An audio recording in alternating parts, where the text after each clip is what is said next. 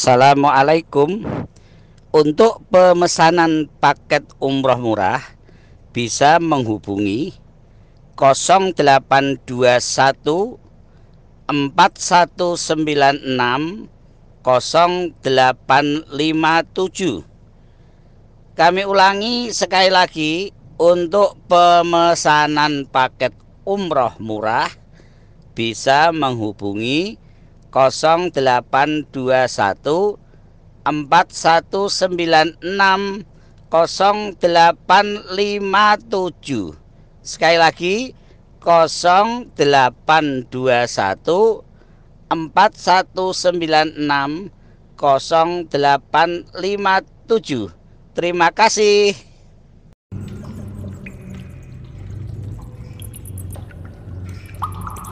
Bayangkan bagaimana figur Abu Bakar yang pada saat itu tidak ada sekolah akademik, cuma seorang pedagang dan tokoh Mekah, gitu kan. Tapi dia bisa membuat satu kota Mekah yang tadinya setengahnya orang beriman itu ragu dengan Isra Mi'raj, yang kafir tambah kufur kepada Nabi Muhammad SAW, dia balik kasusnya, gitu kan. Semuanya meyakini Isra Mi'raj benar terjadi. Satu orang saja apa kata Nabi SAW tentang Abu Bakar? Lawuzina iman hadil umma fi kiffa. Wawuzina iman hadil umma fi kiffa. Lawuzina iman Abi Bakar fi kiffa. Wawuzina iman hadil umma fi kiffa. La rajah iman Abi Bakar. Kalau seandainya iman dan keyakinannya Abu Bakar ditimbang di sebuah timbangan. Dan keyakinan serta keyakinan eh, ke, keimanan umat semua umat Islam ini semua sahabat, semua tabiin, semua yang sudah mati, semua yang masih hidup, semua yang belum lahir, kumpul semua, ditimbang di timbangan sebelah, tetap keyakinan dan keimanan Abu Bakar lebih berat. Ini gimana ini satu orang bisa ngalahin itu? Antum sudah tahu belum figurnya Abu Bakar itu gimana secara fisik? Sudah tahu hadis tentang masalah melorot celananya atau sarungnya kalau sholat kan? Pernah dengar nggak? Abu Bakar mengatakan, Ya Rasulullah, saya kalau lagi sholat sering melorot. Tidak bisa, biar saya ikat kuat, tetap melorot. Jadi kecuali saya pegang dengan satu tangan. Apakah sholat saya batal ya Rasulullah? Kata Nabi SAW, kau bukan termasuk orang-orang itu. Kenapa? Abu Bakar kurus kerempeng. Dalam riwayat tentang fisik beliau, kalau ada angin kencang tiup terdorong. Tapi subhanallah, dalam Islam bukan itu fisik yang dilihat. Inna Allah la yanzuru ila suwarikum wala ajsamikum, walakin yanzuru ila qulubikum wa amalikum. Allah nggak pernah nilai paras wajah kalian ganteng atau cantik, fisiknya kuat, kekar atau apa, enggak. Tapi Allah lihat hati kalian dan perbuatan kalian. Abu Bakar radhiyallahu anhu yang Nabi SAW mengatakan timbangannya adalah keyakinannya.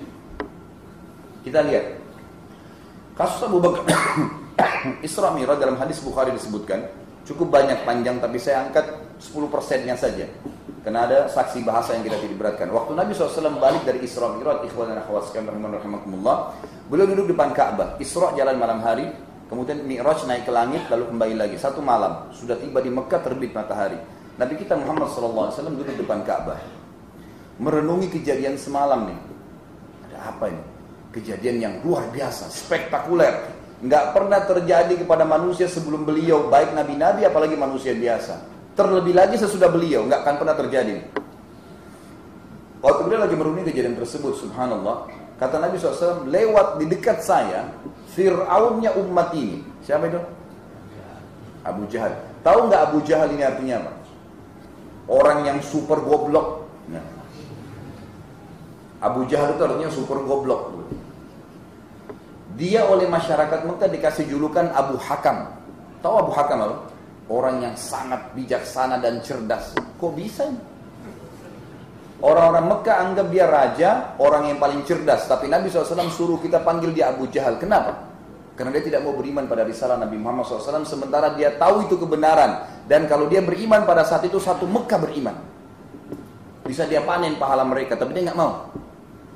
Pernah Abu Sufyan tanya Abu Jahal, bagaimana pendapatmu dengan ayat-ayat Quran yang kita dengarkan? Dari Muhammad. Karena memang setiap malam mereka selalu sama-sama secara tidak tidak tidak janjian, kemudian mereka di rumah Nabi SAW dengarin ayat sampai pagi baru mereka pisah. Tiga hari berturut-turut selalu ketemu. Abu Sufyan tadi tanya, wahai Abu Jahal, wahai Abu Hakam, bagaimana pendapatmu dengan apa yang kita dengarkan? Kata Abu Jahal, saya tahu yang Muhammad bawa dan bacakan yang kita dengar selama tiga hari ini benar.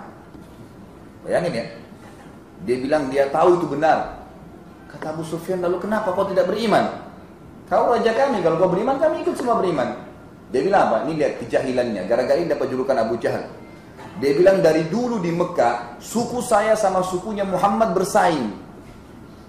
Kalau mereka memberikan makan minum jemaah haji, sukuku juga melakukan itu. Kalau mereka melakukan perbuatan apa saja, membutuh pasukan membela Mekah, kami juga melakukan. Maka sehari kami, sehari buat mereka. Maksudnya bersaing terus nih. Sekarang dari sukunya Muhammad keluar Nabi, suku saya tidak ada Nabi. Maka saya tidak mau beriman pada Muhammad selamanya. Bayangkan, hanya gara-gara itu tuh, nggak mau ikutin Nabi Muhammad SAW. Makanya dikasih julukan Abu Jahal. Dia lewat dekat Nabi SAW. Lalu kata Abu Jahal gini, Hai Muhammad, kenapa kau seperti ini? Kalau bahasa kita, kenapa kau melongo-longo gini lihat Ka'bah? Kata Nabi SAW, ceritakan dengan polosnya, tadi malam datang kepada saya Jibril, pimpinan para malaikat membawa seekor kuda putih bersayap namanya burak. Kemudian saya naik di atasnya, di mana pun matanya memandangkan sebuah tempat, kakinya sudah di sana, terbang. Sampai di Palestina, saya ikat tali kekangannya, kemudian saya masuk ke masjid, saya temukan ruhnya para nabi sedang menunggu saya. Kemudian saya jadi imam, lalu kemudian saya keluar. Dalam beberapa asal yang lain dikatakan, Jibril berkata, wahai Muhammad ini adalah Mikail, malaikat lain, pengawalnya, wakilnya Jibril. Dan riwayat ini dihasankan oleh para ulama hadis. Maka dia mengatakan saya pun kemudian naik burak kemudian dimikrajkan ke langit. Saya menembus tujuh lapis langit, satu, dua, tiga, empat, lima sampai ke Sidratil Muntaha. Di langit pertama saya ketemu dengan Adam, langit kedua ketemu dengan dua nabi yang bersepupu, Yahya dan Isa. Karena ibunya dua-dua bersaudara. Langit ketiga bertemu dengan Yusuf, keempat ketemu dengan Idris, kelima ketemu dengan uh, Harun, keenam ketemu dengan Musa, ketujuh ketemu dengan Ibrahim. Tentu di sini saya ringkas kisahnya karena perjalanan Nabi SAW antara Mekah, antara Madinah, antara Mekah ke Palestina ini ada ya panjang lebar riwayat menjelaskan Nabi SAW diperlihatkan azab kubur. Ini nggak saya ceritakan. Kemudian juga pada saat beliau mi'raj ke langit, ketemu dengan nabi-nabi di langit-langit ini, ada komunikasi di antara nabi-nabi ini. Tapi saya juga saya tidak jelaskan itu. Yang jelas Nabi SAW sampai ke langit ketujuh, kemudian naik di Sidratil Muntaha. Pada saat tiba di Sidratil Muntaha, kata Nabi SAW, saya tidak bisa menggambarkan keindahannya, karena seperti ada terdiri dari banyak permata yang besarnya seperti kuping-kuping gajah. Lalu kemudian cahaya ilahi Allah memerangi seluruh sidratul muntaha. Lalu kemudian saya diperintahkan sholat 50 waktu sholat. Saya pun menerimanya lalu saya turun ke langit ketujuh, ketemu Ibrahim, Ibrahim gak bicara apa-apa. Langit keenam ketemu dengan Musa, Musa bertanya, wahai Muhammad, apa yang diwajibkan untuk umatmu? Aku berkata 50 waktu sholat. Musa mengatakan, umatmu tidak akan mampu minta keringanan. Aku pun pulang, meminta keringanan sama Allah, diringankan lima. Kemudian aku kembali lagi. Langit ke-6 ditahan lagi Musa. Berapa? 45. Masih berat, minta lagi. Kembali lagi kepada Allah SWT. Terus begitu sampai sisa 5. Bayangkan ikhwah, kalau kita diperintahkan 50 waktu sholat per 15 menit azan. Bisa nggak? Ini aja sekarang 5 waktu sholat ngos-ngosan. Jadi Musa alaihissalam punya jasa yang besar nih. Itu pun waktu balik 5, kata Musa berapa? Muhammad 5. Masih berat. Minta lagi. Kata Nabi SAW, saya sudah malu dengan Tuhan saya. Minta-minta terus. Terdengar suara dari Allah Subhanahu Wa Taala kata Nabi SAW terdengar Ya, perintah Allah yang mengatakan wahai Muhammad dia lima waktu sholat tapi saya berikan pahala 50 waktu sholat karena setiap amal saleh umatmu dilipat gandakan 10 kali lipat. Ringkas cerita Nabi SAW turun ke Palestina, kembali lagi ke Mekah. Ini ringkas ceritanya ya. Paling cuma 5% saya ceritakan karena bukan ini yang sedang kita bahas. Teman-teman sekalian, kita harus tahu yang diceritakan oleh Nabi SAW ini belum masalah azab kubur yang banyak nih. Diceritakan belum waktu komunikasi dengan nabi-nabi. Diceritakan kepada Abu Jahal ini bukan kepada sahabat. Abu Jahal yang dasarnya benci dengan Nabi SAW. Dia mengatakan, wahai Muhammad, per, engkau menempuh perjalanan Mekah Palestina yang kami tempuh dengan kuda terbaik kami sebulan pergi, sebulan pulang, dua bulan dalam satu malam? Kata Nabi SAW, iya, dengan penuh keyakinan. Kata Abu Jahal apa? Wahai Muhammad, kalau saya kumpulin masyarakat Mekah, kau mau cerita nggak cerita kamu nih? Kata Nabi SAW, tentu saja. Tidak nunggu, tidak apa, dipegang tangan Nabi SAW dibawa sama Abu Jahal. Ke mana? Ke sebuah bukit ikhwan kan namanya Bukit Abi Kubais. Sekarang itu ada istana raja. Dulu itu ada Bukit Abi Kubais. Ada bukit tidak terlalu tinggi. Memang khusus itu untuk tempat iklan. Zaman dulu nggak ada media.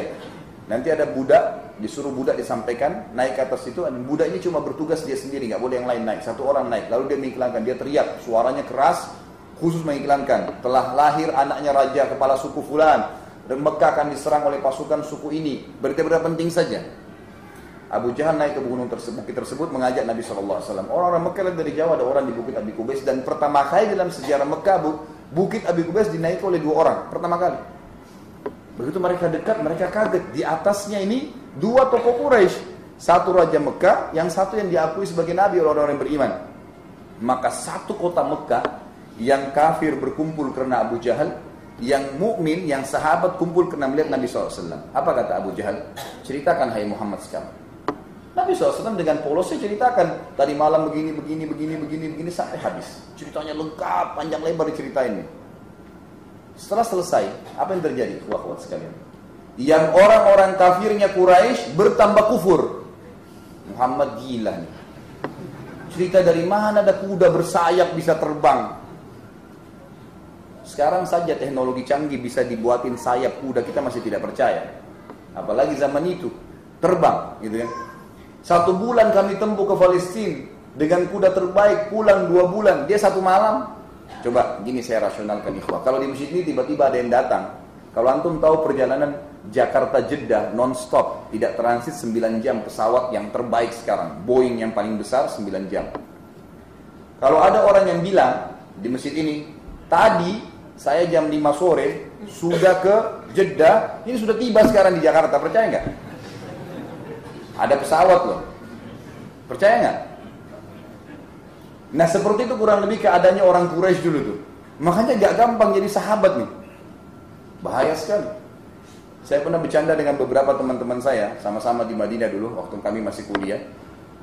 Terus ada satu orang yang bilang, enak ya kalau kita hidup di zaman Nabi Shallallahu Alaihi Wasallam, ditunjuk masuk surga. Kau di surga, kau di surga, kau di surga, enak sekali. Abu Bakar di surga, Umar di surga, ditunjuk-tunjuk sama Nabi SAW. Enak betul.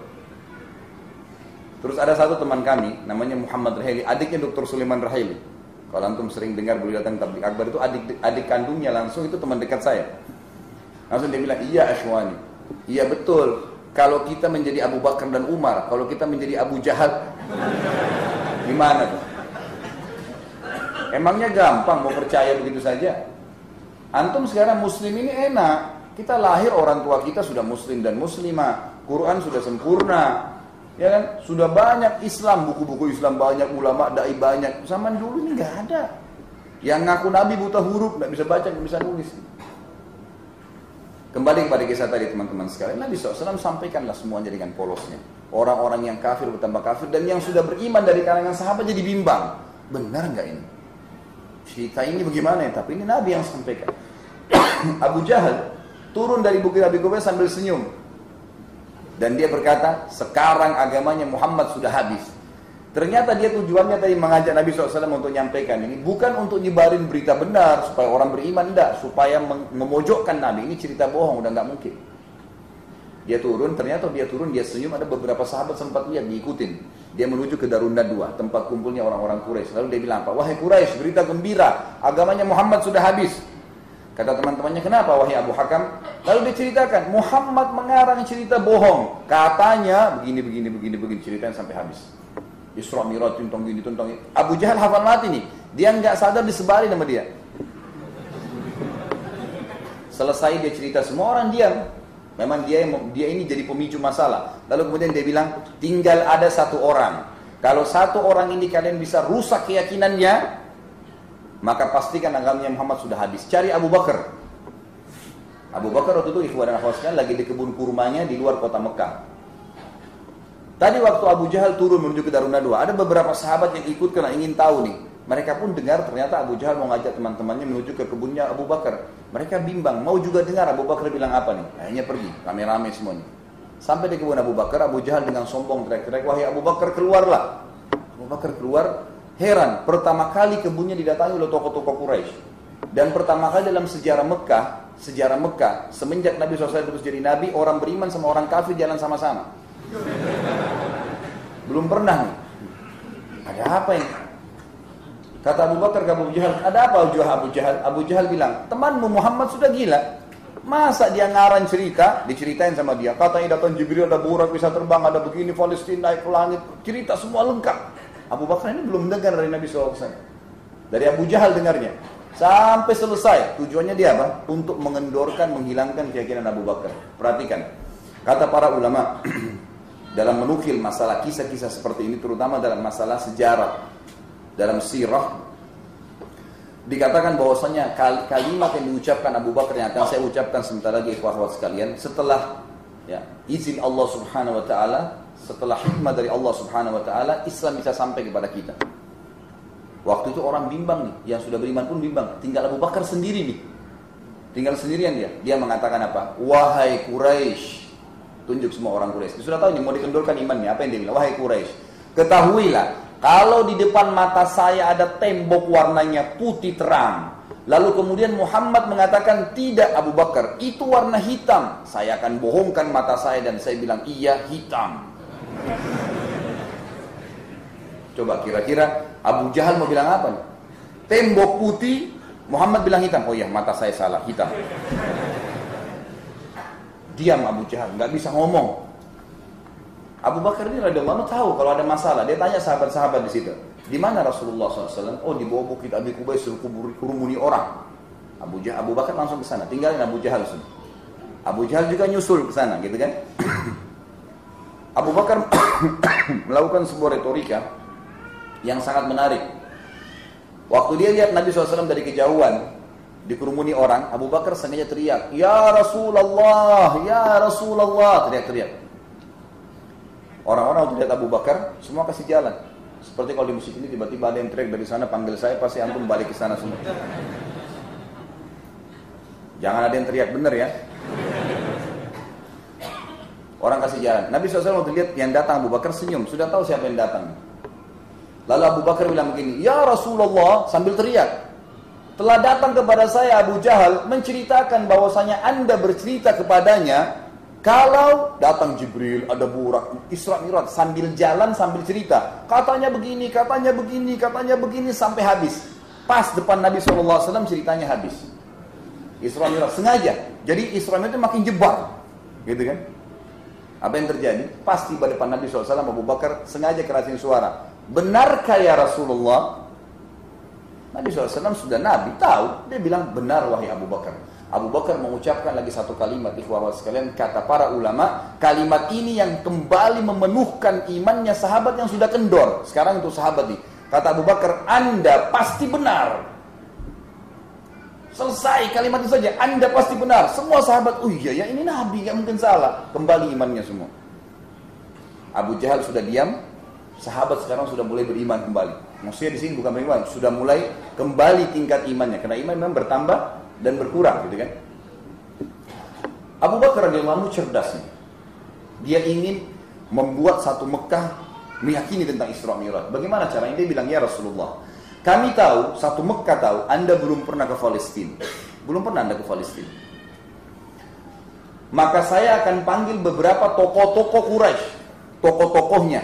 Saya akan panggil tokoh-tokoh Quraisy, ada belasan orang jumlahnya, yang hampir setiap dalam satu tahun bisa berapa kali ke Palestina. Surah Quraisy, li'ilafi Quraisy, ya, rihlat asy-syita'i was-saif. Perjalanan musim dingin dan musim panas. Mereka kalau rihlat asy-syita musim dingin ke Palestina. Kalau rihlat uh, as-saif itu ke negeri Yaman, gitu kan. Jadi mereka tahu Palestina, mereka tahu pintu gerbangnya, mereka tahu pasarnya, mereka tahu rumahnya, mereka tahu Masjid Aqsa. Saya akan panggil mereka ya Rasulullah dan silakan setelah mereka datang Anda menggambarkan buat mereka Palestina. Nabi SAW mengatakan baiklah, pergi Abu Bakar ke Daruna dua panggil semua, termasuk Abu Jahal sendiri datang, semua teman-temannya datang, dipanggil.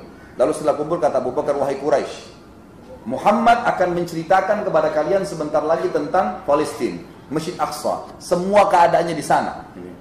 Kalau yang dia ceritakan benar seperti yang kalian tahu, maka kalian harus membenarkannya. Dan kalau seandainya ada yang diceritakan satu saja tidak sesuai dengan apa yang kalian tahu, misal dia ceritakan pintu gerbang warnanya coklat ternyata biru misalnya. Satu saja tidak benar, kalian punya hak mendustakannya.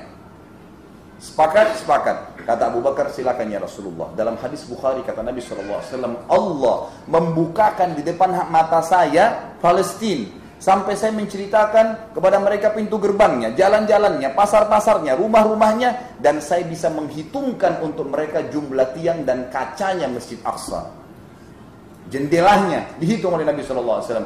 Dan subhanallah, setiap Nabi bilang pintu gerbangnya begini. Orang Quraisy tadi yang belasan ini, Muhammad benar. Jalannya begini, Muhammad benar. Begini masjidnya, Muhammad semua benar. Yang beri kesaksian siapa? Tokoh-tokoh Quraisy. Akhirnya satu kota Mekah yang tadinya bimbang ini, ih benar nih. Tokoh-tokoh Quraisy ini berikan kesaksian, gitu kan? Ikhwan akhwat sekalian secara rasional begini. Kalau seandainya sekarang di atas podium ini saya ingin menceritakan ke antum tentang Masjid Aqsa. Sekarang dengan teknologi canggih saya bisa share pakai kamera satelit. Saya bahkan bisa ceritakan warna keramik yang pecah di Masjid Aqsa. Sekarang bisa.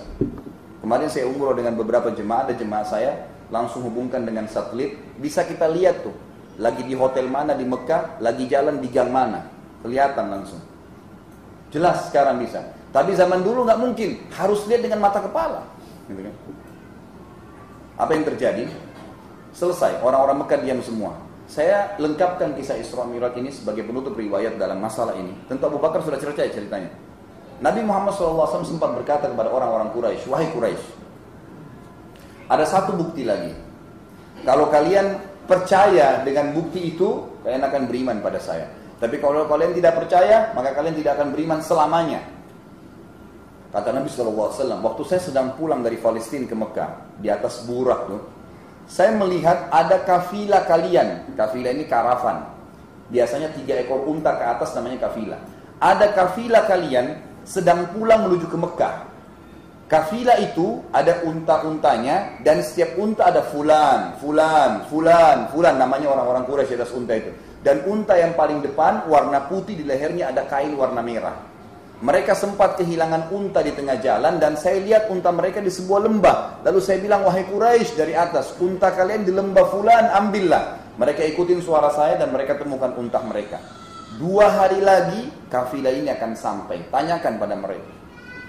Dua hari lagi, ikhwan akhwat sekalian, satu Mekah. Semuanya tidak tertinggal. Yang kecil, perempuan, orang tua, yang beriman, yang kafir, semua kumpul. Di sebuah pintu namanya pintu Bani Syaibah. Kumpul di situ semuanya menahan orang-orang masuk. Masuk waktu. Ya.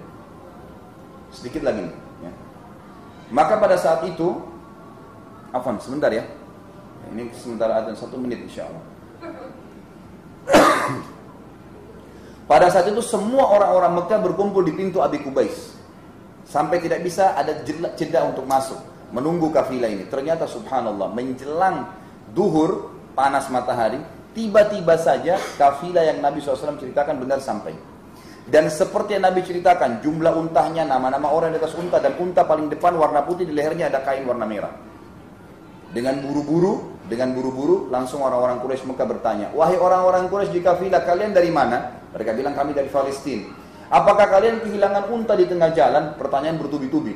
Iya benar. Lalu apa yang kalian lakukan? Kata mereka, kami mendengar suara nggak tahu dari mana berkata, wahai Quraisy, unta kalian di lembah fulan. Maka kami ikutin dan kami dapatkan unta kami. Sekarang kembali orang-orang kafilah bertanya, wahai Quraisy yang di Mekah, dari mana kalian tahu berita itu? Sementara belum ada satu orang pun di antara kami yang masuk ke Mekah. Belum ada yang beritain. Kata mereka serentak dari Muhammad sallallahu alaihi wasallam. Maka satu kota Mekah semuanya meyakini tentang kebenaran Isra Mi'raj gara-gara kasus ini. Tapi inti bahasan kita karena Abu Bakar radhiyallahu anhu. Assalamualaikum. Untuk pemesanan paket umroh murah bisa menghubungi 0821 4196 0857 Kami ulangi sekali lagi untuk pemesanan paket umroh murah bisa menghubungi 0821 4196 0857. Sekali lagi 0821 4196 0857. Terima kasih.